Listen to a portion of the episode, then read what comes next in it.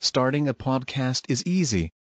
Record sound, edit and share via our platform. Anchor is the easiest way to create podcasts, Spotify's offering to you.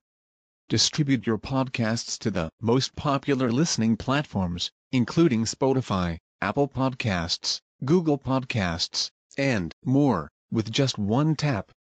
Download the free app to start your podcast with the versatile platform from Anchor. Thank you.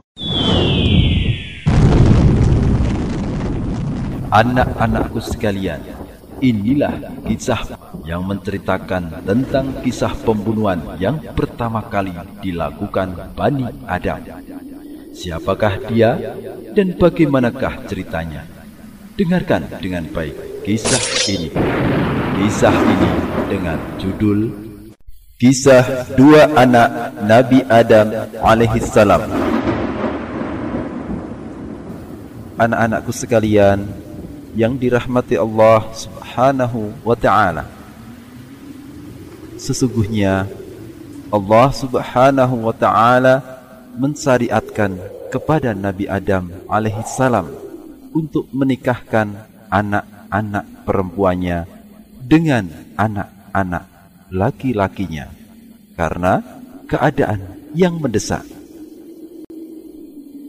Setiap lahir anak Nabi Adam alaihissalam selalu lahir sepasang anak laki-laki dan perempuan.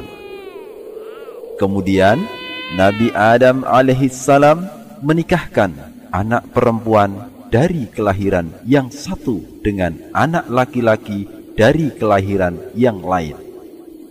Di antara anak Nabi Adam alaihissalam ada Habil dengan pasangan saudara perempuannya serta Qabil dengan pasangan saudara perempuannya. Saudara perempuan Habil buruk wajahnya. Sedangkan saudara perempuan Qabil elok rupa. Qabil ingin agar saudari pasangannya untuk dia bukan untuk Habil. Namun Nabi Adam alaihissalam tidak mau kecuali keduanya berkorban. Barang siapa yang diterima korbannya, maka dia mendapat saudara perempuan Qabil yang elok rupa. Anak-anakku sekalian, semoga Allah membimbing kalian ke jalan yang benar. Ternyata korban Habil diterima. Sedangkan korban Qabil tidak diterima. Qabil berkata, Aku pasti membunuhmu. Berkata Habil, Sesungguhnya Allah hanya menerima korban dari orang-orang yang bertakwa. Sungguh, kalau kamu menggerakkan tanganmu kepadaku untuk membunuhku, aku sekali-kali tidak akan menggerakkan tanganku untuk membunuhmu. Sesungguhnya aku takut kepada Allah, Rob semesta alam. Padahal Habil lebih perkasa. Namun ia tidak mau membela diri karena warok, yakni berhati-hati agar tidak terjatuh kepada yang haram dan subhat. Kemudian Habil berkata, Sesungguhnya aku ingin agar kamu kembali dengan membawa dosa membunuhku dan dosamu sendiri. Maka kamu akan menjadi penghuni neraka. Dan yang demikian itulah pembalasan bagi orang-orang yang zalim. Anak-anakku sekalian, semoga Allah Subhanahu wa taala menjaga kalian dari keburukan-keburukan. Maka karena hawa nafsu, Qabil menganggap remeh untuk membunuh saudaranya. Maka ia pun membunuh Habil. Maka jadilah Qabil termasuk orang-orang yang merugi. Kemudian Allah Subhanahu wa taala menyuruh seekor burung gagak menggali-gali tanah untuk mengajari Qabil bagaimana cara menguburkan mayat saudaranya. Berkata Qabil, Aduhai celaka aku, mengapa aku tidak mampu berbuat seperti burung gagak ini? Lalu aku dapat menguburkan mayat saudaraku ini. Karena itu, jadilah dia termasuk orang-orang yang menyesal. Tidaklah suatu jiwa dibunuh kecuali anak Adam yang pertama, yakni Qabil, menanggung darahnya. Karena dialah yang pertama kali melakukan pembunuhan.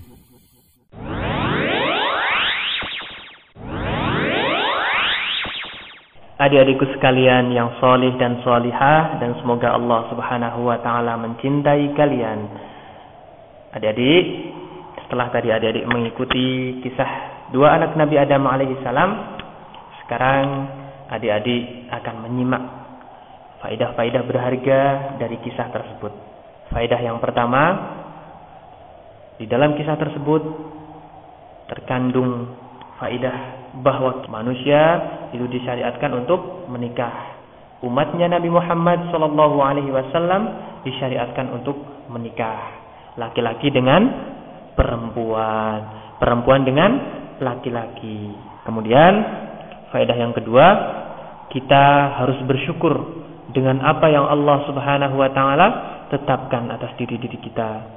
Dengan apa yang Allah Subhanahu wa taala berikan kepada kita, kita harus mensyukurinya. Apa yang Allah Subhanahu wa taala tetapkan diri diri kita, baik itu kebaikan maupun keburukan, kita harus mensyukurinya. Apabila itu kebaikan, maka kita bersyukur dan apabila itu keburukan, kita bersabar atasnya.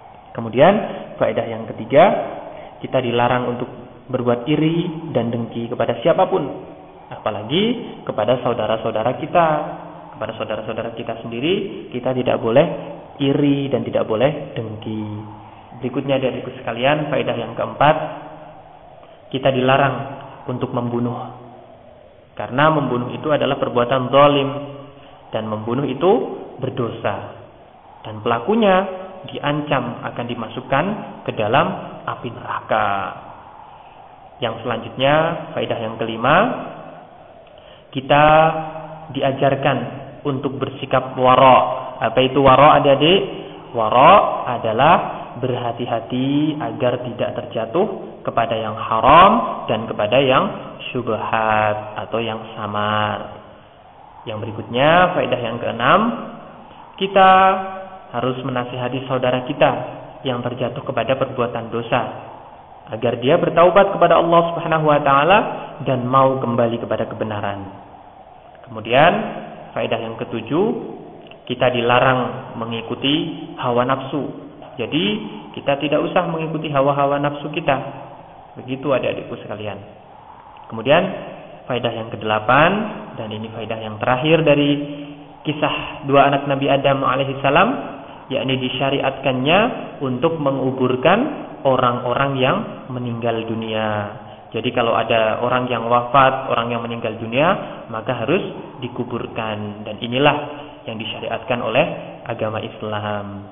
Itulah tadi adik-adikku sekalian faidah-faidah dan pelajaran-pelajaran berharga yang bisa kita ambil dari kisah dua anak Nabi Adam alaihissalam.